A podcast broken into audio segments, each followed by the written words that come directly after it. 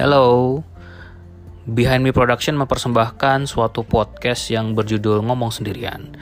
Balik lagi dengan gue Musa, tetap dengerin podcast Ngomong Sendirian ya. Untuk yang mau kesan, pesan, atau saran, kira-kira tema apa sih yang mau gue sampein, yang gue mau, mau bahas, silahkan email ke behindmeproduction at gmail.com atau follow dan ya PM juga boleh chat langsung Instagram gue di at myusufmusa at myusufmusa. Thank you.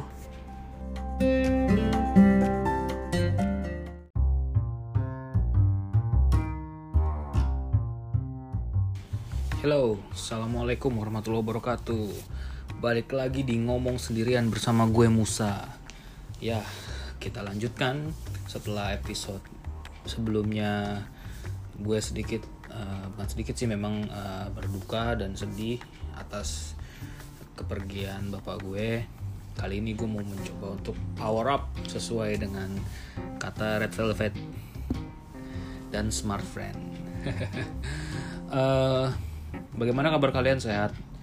Semoga kalian selalu sehat dan stay safe dan selalu bahagia tentunya menjalani hari ke hari, menjalani hari demi hari di masa pandemi ini. Kira-kira kalau ngomongin pandemi ini di tahun 2020 lalu sekarang 2021 kayaknya nggak habis-habis ya gitu. Kalau kita lihat di berita juga kayaknya Indonesia kasus barunya banyak banget gitu istilahnya.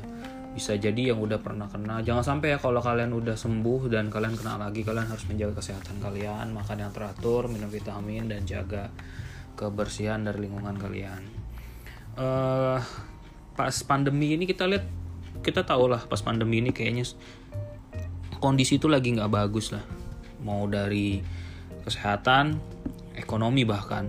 Kalau kita ngomongin ekonomi kayak ada resesi krisis ekonomi ya resesi penurunan daya beli segala macam bahkan PHK itu sangat-sangat menyedihkan buat kita tentunya gitu dan tapi ada satu fenomena di masyarakat yang gue lihat dari uh, pada saat pandemi ini masyarakat di mana mulai bertransformasi bahasa kerennya mulai berubah lah perusahaan-perusahaan korporasi-korporasi bisnis-bisnis mulai berubah orang-orang yang tadinya dalam tanda kutip anti dengan online siapa kan kita tahu lah banyak banget orang yang masih konservatif atau tradisional, konvensional berjualan dengan offline atau masih di uh, ya maksudnya offline mereka mulai perlahan-lahan mulai bergeser, mulai ada produk-produk bisnis online-nya. Uh,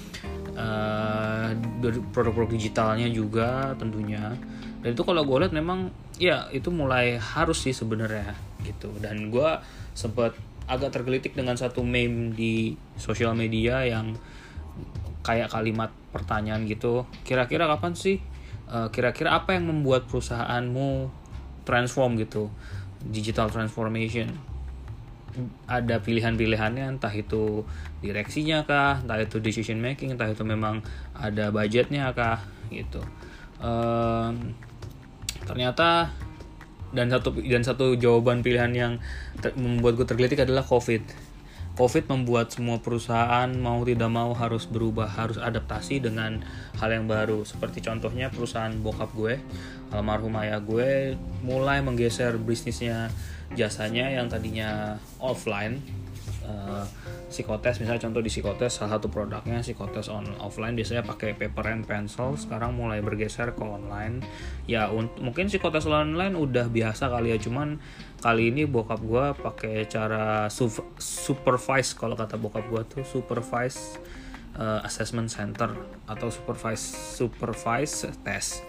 Di mana ada host atau adminnya menjaga ya mulai terbiasalah dengan zoom dengan video call dan sebagainya macamnya.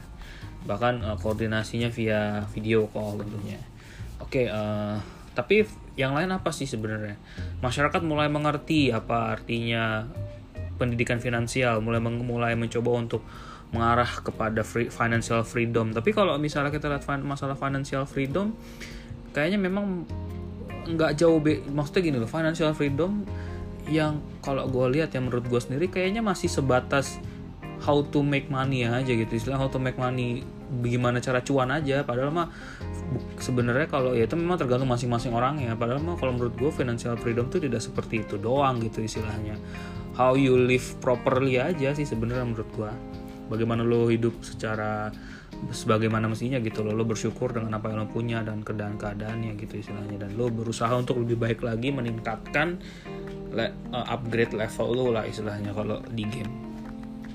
Kalau terus abis itu ada satu lagi ketika orang ngomongin financial freedom pasti ada hubungannya dengan investasi.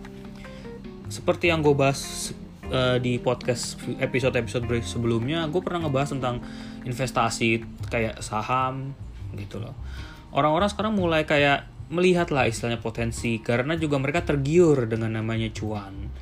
That bastard uh, things lah yang dinamakan cuan. Ya pasti orang pasti mau profit lah. Tapi nggak ada yang mau rugi. Tapi kalau misalnya lo lo jangan sampai melihat dari sudut pandang yang enaknya aja gitu. Lu harus tahu lah resiko-resikonya dan itu dia sifat-sifat investor tuh beda-beda. Ada yang moderat atau yang biasa-biasa aja. Ada yang slow wales gitu yang mereka bilang ya udahlah penting nilai uang gua nggak turun gitu istilahnya. Gue bisa mencegah inflasi. Setidaknya nilai bahkan bisa lebih dari itu. Sementara ada yang nafsu banget istilahnya greedy karena dia pengen ini itu gitu. Tapi kalau misalnya lo greedy dan lo tahu ilmunya ya tidak masalah gitu loh. Seperti kalau kita lihat mulai lah orang-orang teman-teman gue mulai belajar investasi saham gitu. Ada yang mulai investasi aset kripto mungkin mereka yang coba. Tapi lucunya mereka yang baru mulai mereka tergiur dengan keuntungannya. Hanya tergiur dengan keuntungannya. Mereka tidak tahu resiko yang ada di dalamnya. Gue mulai bekerja bukan mulai bekerja gue bergerak di bidang blockchain dan cryptocurrency sejak tahun 2018 sorry 2017 dan gue melihat unik memang di Indonesia ini memang untuk blockchain sendiri teknologinya hanya sekedar fana dan mereka hanya mengincar ya udah yang penting gue dapet cuan gue bisa scam atau gue bikin koin cryptocurrency that makes ya itu yang membuat nama blockchain itu tercoreng dan buruk sekali gitu. Gue cuman bilang dan gue bekerja di salah satu cryptocurrency exchange pada saat itu uh, yang mereka tuju memang profit gitu tapi mereka tidak tahu lah istilahnya. Uh, tapi mereka tidak tahu masalahnya adalah mereka tidak tahu how to do it gitu loh. Mereka tidak tahu yang namanya trading dan kita tahu lah bitcoin dan aset kripto lainnya cryptocurrency lainnya tuh sangat volatile gitu dan sangat beresiko tinggi gitu loh. Mereka hanya bilang mereka hanya melihat tuh si A uh, bisa investasi bitcoin atau investasi cryptocurrency untung 200% bis duitnya langsung jadi miliarder segala macem they have their own moment gitu istilahnya. Mereka mereka tahu mereka tahu bagaimana cara investasi mereka tahu how to do it mereka tahu how to invest how to spend money itu dia. Itu dia yang bikin gue kadang-kadang juga kesel ya sebagai salah satu yang me antusias blockchain antusias blockchain dan cryptocurrency antusias. Gue juga melihat kayak ini kok orang agak bebal banget lah istilahnya. Ketika mereka jatuh harganya yang dimarahin exchange-nya yang dimarahin orang-orang terkait. Padahal memang itu memang sudah berkali-kali sudah ditegaskan kalau do at your own risk gitu. Orang-orang kadang-kadang tidak mau melihat dari sisi dalam dari dalam diri gitu. Tidak mau muasabah mungkin kalau dibilang tidak mau introspeksi. Lo harus lihat dulu lo harus mempelajari bidang itu baru lo baru lo stay gitu. Harga bitcoin kita lihat harga kita ngomongin aset kripto sekarang atau cryptocurrency tiga bulan yang lalu tuh harga Bitcoin tuh lagi running, lagi bullish. Memang kalau kata banyak banget pakar, cryptocurrency ini memang lagi bullish season, uh, lagi bullish season artinya kayak dia naik terus harganya. Dan memang sangat volatile gitu dan, dan benar-benar lagi all time high istilahnya lagi cetak rekor terus. Itu bagus memang dan udah dan lo yang memang sudah investasi dari lama bahkan mereka sudah jadi miliuner tapi kita lihat bagaimana mereka bullish pertama kali cryptocurrency mulai pandemi seperti ini orang-orang mencetak di mana uang uang fisik atau fiat sudah mulai di mulai dipertanyakan fungsinya. Kenapa orang masih pakai uang fisik sih?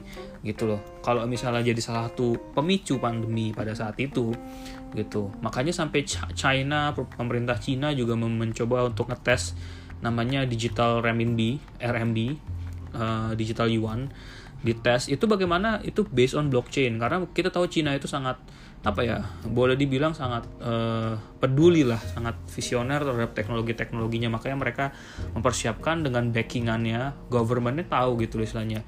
Government berani menjamin kalau misalnya uh, mata uang uh, digital ini digital yuan atau RMB digital ini adalah resmi dari mereka. Dan Eropa Europe dengan uh, euronya Uni Eropa juga sudah mulai melihat gitu loh potensi-potensi yang berikutnya. Bahkan uh, sebenarnya juga kalau lo tahu di cryptocurrency ada namanya stable coin. Stable coin itu bagaimana cara uh, salah satu aset kripto itu tuh di back atau di backup dari salah satu aset yang memang punya nilai dan itu stabil. Contohnya adalah misalnya kalau misalnya di Cina dia bikin yang renminbi, ada lagi emas, ada lagi yang USD. Kalau dari berdasarkan berkaca pada uh, backupnya itu United eh, Dollar. Terus uh, ya balik lagi perdagangan apa ya maksudnya ya? Itulah dia makanya gue sangat melihat gitu loh. Gue gue melihat kayak uh, memang tidak ada yang salah gitu loh kalau lo mencoba untuk do something new gitu istilahnya tapi lo harus tahu lah istilahnya lo harus bisa menerima resiko yang akan lo dapat di ke depannya ketika lo melakukan ini ketika lo berinvestasi itu banyak banyaklah ngobrol dengan orang yang memang mengerti. Banyak banyaklah uh, membaca artikel gitu istilahnya.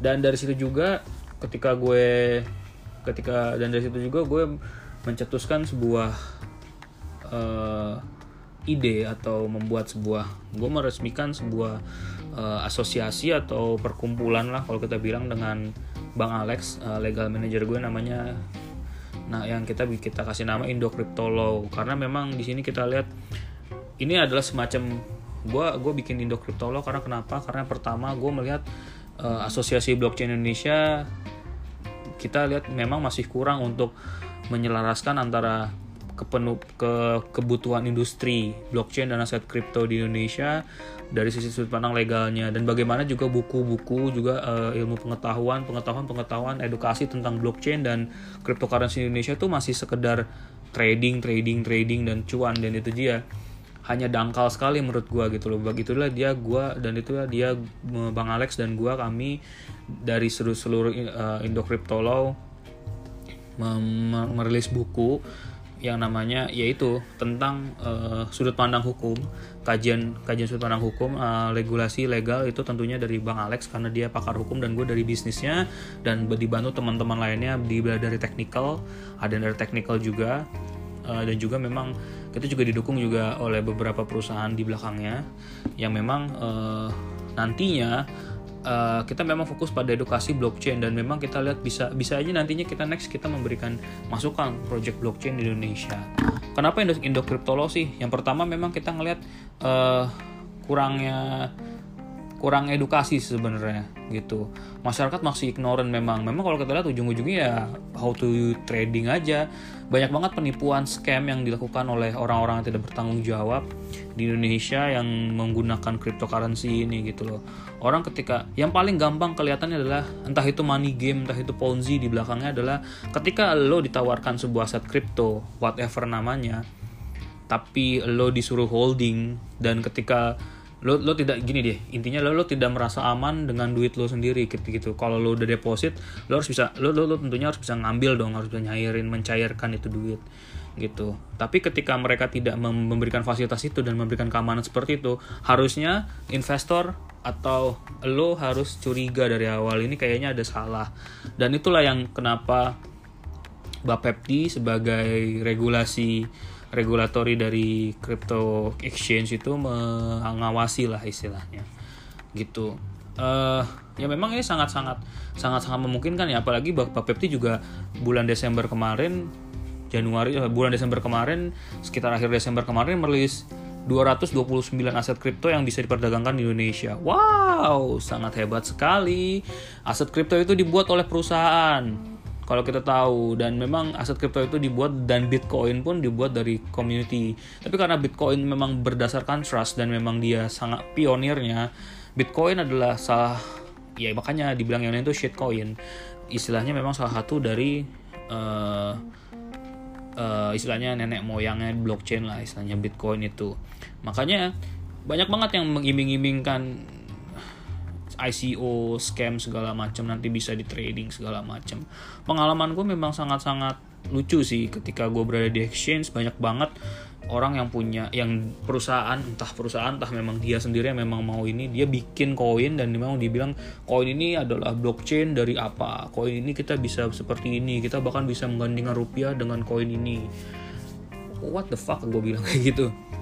Dan gue pada saat itu masih memper, mempertanyakan oke okay, memang bisa jadi salah satu revenue stream dari salah satu revenue pemasukan dari cryptocurrency dari exchanger tersebut. Bagaimana dia listing kalau kita tahu. Tapi bisa tapi kalau gue sebagai salah satu petinggi pada saat itu gue hanya melihat etikanya aja sih sebenarnya gitu loh. Lo bisa mempertanggungjawabkan project lo nggak? Lo bisa mempertanggungjawabkan dalam tanda kutip uh, keaktifan project lo nggak? Jadi lo ketika karena gini karena yang namanya cryptocurrency exchange adalah pintu gerbang untuk pro, untuk para crypto crypto aset crypto atau koin-koin ini untuk dimasukkan. Dan dan di situ hanya untuk trading aja gitu. Istilahnya ujung-ujungnya main pump and dump lagi aja sih. Di pump di dump di pump ya di dump dan up, maksudnya gitu dan kalau misalnya kita tahu cryptocurrency itu sangatlah bebas gitu loh istilahnya. Dunia blockchain sangatlah bebas cryptocurrency trading tuh bebas banget gitu loh. Tidak pernah tutup dan bahkan lo bisa rugi dalam waktu cepat gitu loh misalnya seperti itu. Itu yang memang di harus diperhatikan gitu. Justru apa ya uh, setelah pamendam pamendam ya terus lo mau gimana? Kalau misalnya lo tiba-tiba uh, rugi istilahnya. Apa yang mau disalahkan? Do at your own risk gitu loh. Gue bilang gue cuma teriak ketika gue bilang itu makan tuh cuan gitu. Kenapa? Karena lo tidak ketika lo tidak mengetahui apa yang lo uh, lakukan ya lu sama aja bodoh dong istilahnya. Lu tuh harus mempelajari apa yang lu harus lakukan. Kalau lu memang pengen mencoba pengen belajar ya that's kalau kata bapak gue itu biaya pembelajaran lu itu artinya adalah apa yang lu keluarkan ketika lu rugi itu adalah artinya adalah itu pembelajaran lu. Some, sometimes you win kadang lu menang kadang lu belajar. Sometimes you win sometimes you learn. You learn. That's katanya orang bijak. Seperti itu.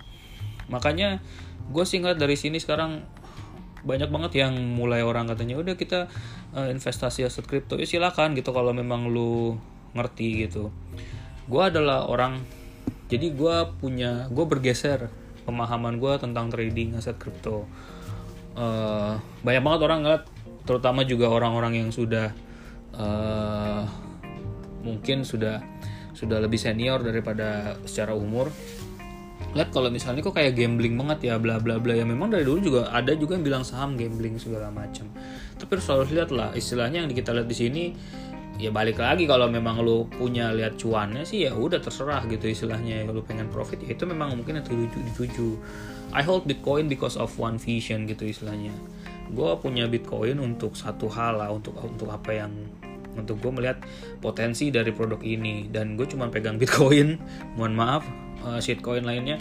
Uh, gue juga gue cuma gue juga gue juga pengen bitcoin walaupun ya memang gue baru-baru aja gitu. Dan I tweet some words some sentence dan sebuah rahasia dari gue sendiri gue adalah play short untuk cryptocurrency setelah gue holder dari 2017 2018 sampai 2020 ya 2020 sisa terakhir lah 2020 kemarin dan sampai sekarang adalah gue hold. Dan makin ke sini ya memang gue holdnya tidak banyak. Gue sempat mencairkan bitcoin gue pada saat itu di Dubai. Dan waktu itu memang bok bokap gue kebetulan kita lagi jalan gitu lagi travel ke Dubai dan gue melihat ada exchange dan juga biayanya juga oke dan gue juga perlu duit ya gue tukarkan bitcoin gue aja. Sangat praktis sekali untuk ATM bitcoin di Dubai. Dan buat gue sih itu sangat-sangat bagus ya. Uh, apalagi kemudahan akses gitu. Gue pengen banget sih abis ini mungkin nextnya ke Jepang gue pengen belanja pakai Bitcoin dan itu sangat-sangat menarik. Walaupun kita tahu Bitcoin itu kalau dari transaksi kenapa orang-orang itu sebenarnya ke disadvantage atau min consnya kontranya dari Bitcoin atau cryptocurrency ya Bitcoin lah kita ngomongin ya itu adalah transaksi sebenarnya agak lama gitu. Karena memang secara uh, secara jaringan mereka sangat penuh gitu. Dan memang mereka ngantri lah kalau boleh dibilang untuk konfirmasi satu konfirmasi dengan konfirmasi lainnya. Kita tahu transaksi di transaksi di Bitcoin dinyatakan sukses kalau misalnya ada 6 6 konfirmasi. Sementara dari satu konfirmasi ke konfirmasi lainnya untuk notesnya itu tuh sangat sangat sangat lama mungkin bisa dibilang lama gitu loh. Makanya beberapa inovator itu mencip, membuat atau mengembangkan satu platform yang namanya Bitcoin Lightning di mana itu untuk mempercepat uh, mempercepat transaksi di jaringan Bitcoin sendiri. Gitu. Ini kita ngomongin Bitcoin ya bukan Bitcoin another Bitcoin bullshit lain-lain gitu istilahnya. Dan juga kalau kadang-kadang ada juga kadang-kadang orang yang karena dia pengen cuan jadi dia melihat dari sudut pandang oke okay, gue beli bitcoin secukupnya dan gue menaruh uang gue di shitcoin gitu istilahnya. Jadi bagaimana kita lihat seasonnya lah bagaimana kayak uh, wah ini kayaknya nih uh, musim-musim uh, shitcoin di pump harganya sama ininya. Wah ini musim-musim didam gitu. Tapi apakah setelah didam naik lagi kita tidak tahu gitu istilahnya. Banyak banget yang seperti itu. Ada lagi yang airdrop hunter. Orang-orang bangsat ini memang agak sedikit apa ya memang dia ya seperti tahu lah mereka tahu uh, airdrop hunter ini mereka bisa nuyul sebenarnya. Banyak banget fraud di dalamnya mungkin pengalaman gue di cryptocurrency exchange mengajarkan kalau memang Indonesia ini benar-benar orang melakukan segala hal untuk fraud. Dan suka banget gitu istilahnya. Lah kan gue kan mendaftarkan dari akun sini kan gue daftar dari sini dari sini demi dapat uh, itu demi dapat apa uh, gratisannya gitu. Apalagi pada saat itu gue meng-airdrop itu satu kripto yang memang cukup terkenal dan cukup berbesar namanya XLM atau Stellar Lumens. Stellar Lumens itu yang lumayan lah. Sekarang harga juga udah tinggi. Dan ya dan orang-orang pada bener-bener istilahnya apa ya bener-bener pengen gitu istilahnya. Gue pengen nih ditransferin ini nih dapat lumayan lah kata 75 gue gue terakhir kali gue inget 75 stellar satu orang gitu. Wah itu sangat 75 ribu sorry. Stellar seharga 75 ribu uh, rupiah. Dan kita gue nggak tahu berapa tergantung fluktuatif harganya pada saat itu oke okay, uh, eh, ya balik. Dan intinya sih dari podcast ini gue pengen lo semua yang memang mau masuk ke dunia investasi lo harus tahu kapasitas lu dan lu harus mempelajari apa yang lu lakukan gitu istilahnya. Jadi biar lu nggak ngamuk-ngamuk sendiri ketika lu ngerasa rugi gitu loh. Di situ ya biar pembelajaran seperti itu. If you want to get ketika lu mau untung ya lu harus belajar lu harus belajar gitu. Bahkan Warren Buffett pun tidak tidak serta merta dia langsung jadi miliarder. Bill Gates Jeff Bezos hingga Elon Musk pun tidak merta jadi miliarder gitu loh. Gitu. Mungkin kalau gue lihat balik lagi mungkin sedikit tambahan Bitcoin mulai terlihat sorry bukan Bitcoin aja cryptocurrency mulai dilihat oleh perusahaan besar. Seperti kita waktu PayPal PayPal ya. PayPal apa PayPal? PayPal mungkin sebutnya. PayPal membuka layanannya dia untuk transaksi Bitcoin untuk exchange Bitcoin. Itu langsung harganya naik.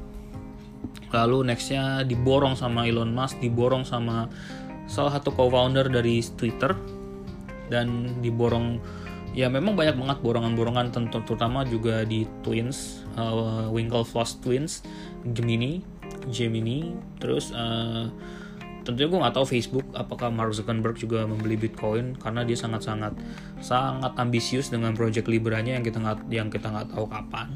Karena memang project Libra kita tahu sendiri di mereka punya vision one currency for the whole world. Jadi kayak mereka tuh ngincer kalau ini Libra ini bisa digunakan untuk jadi mata uang alternatif lah.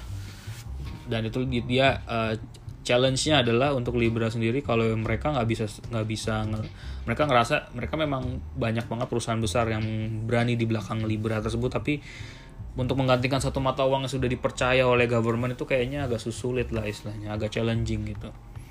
Dan gue sangat senang ketika gue melihat di Singapura di BS Bank already open their own custody dan mereka mereka benar-benar buka exchange. Ketika gue melihat potensi Bitcoin kenapa gue hold Bitcoin atau cryptocurrency uh, ya Bitcoin sih yang gue pegang sih. Gue hold Bitcoin berarti mereka punya semacam trust terhadap Bitcoin sendiri gitu loh. Dan mulai mengancam bukan mengancam ya mulai menantang currency lah istilahnya bagaimana para negara mulai mencetak uang, para negara begini begitu. Dan gue tahu sebenarnya mas uh, blockchain ini intinya adalah governance dan ini adalah mass governance dan kita tahu lah pasti uh, orang yang sudah biasa sudah biasa apa ya sudah biasa melakukan sudah biasa punya power berkuasa itu ditentukan oleh masa itu sedikit ah goyah lah istilahnya apalagi orang-orang yang bertangan uh, yang bertangan besi lah pemimpin pemimpin tangan besi itu pasti agak sedikit alergi dan tanda kutip dengan blockchain dengan sistemnya blockchain itu sendiri gitu. Karena memang berdasarkan oleh kesepakatan atau konsensus. Ya itu dia. Makanya gue juga bersama Indo Cryptolo juga di 2021 juga uh, mempersiapkan banyak banget program menarik untuk edukasi. Ya mungkin nanti insya Allah mulai lihat aja nanti tentunya follow aja twitternya Indo Cryptolo Indo Crypto C R Y P Crypto T O Indo Crypto Law L A W di Twitter. Di situ ada Bang Alex yang akan jawab dan juga atau nggak ke LinkedIn atau Telegram juga ada Indo Crypto Law gitu.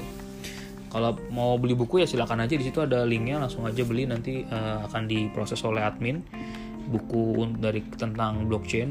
Buku itu sudah ya kira-kira alhamdulillah sudah terjual sekitar 200 sampai 300 eksemplar. Lumayan. gitu. Oke, uh, terima kasih buat kalian yang udah mendengarkan podcast ngomong sendirian episode minggu ini. Uh, tunggu uh, episode dengerin terus uh, podcast ngomong sendirian minggu-minggu berikutnya. Biasanya sih gue ngerilis setiap hari Jumat jam 6 sore. Thank you banget untuk kalian sudah ngedengerin.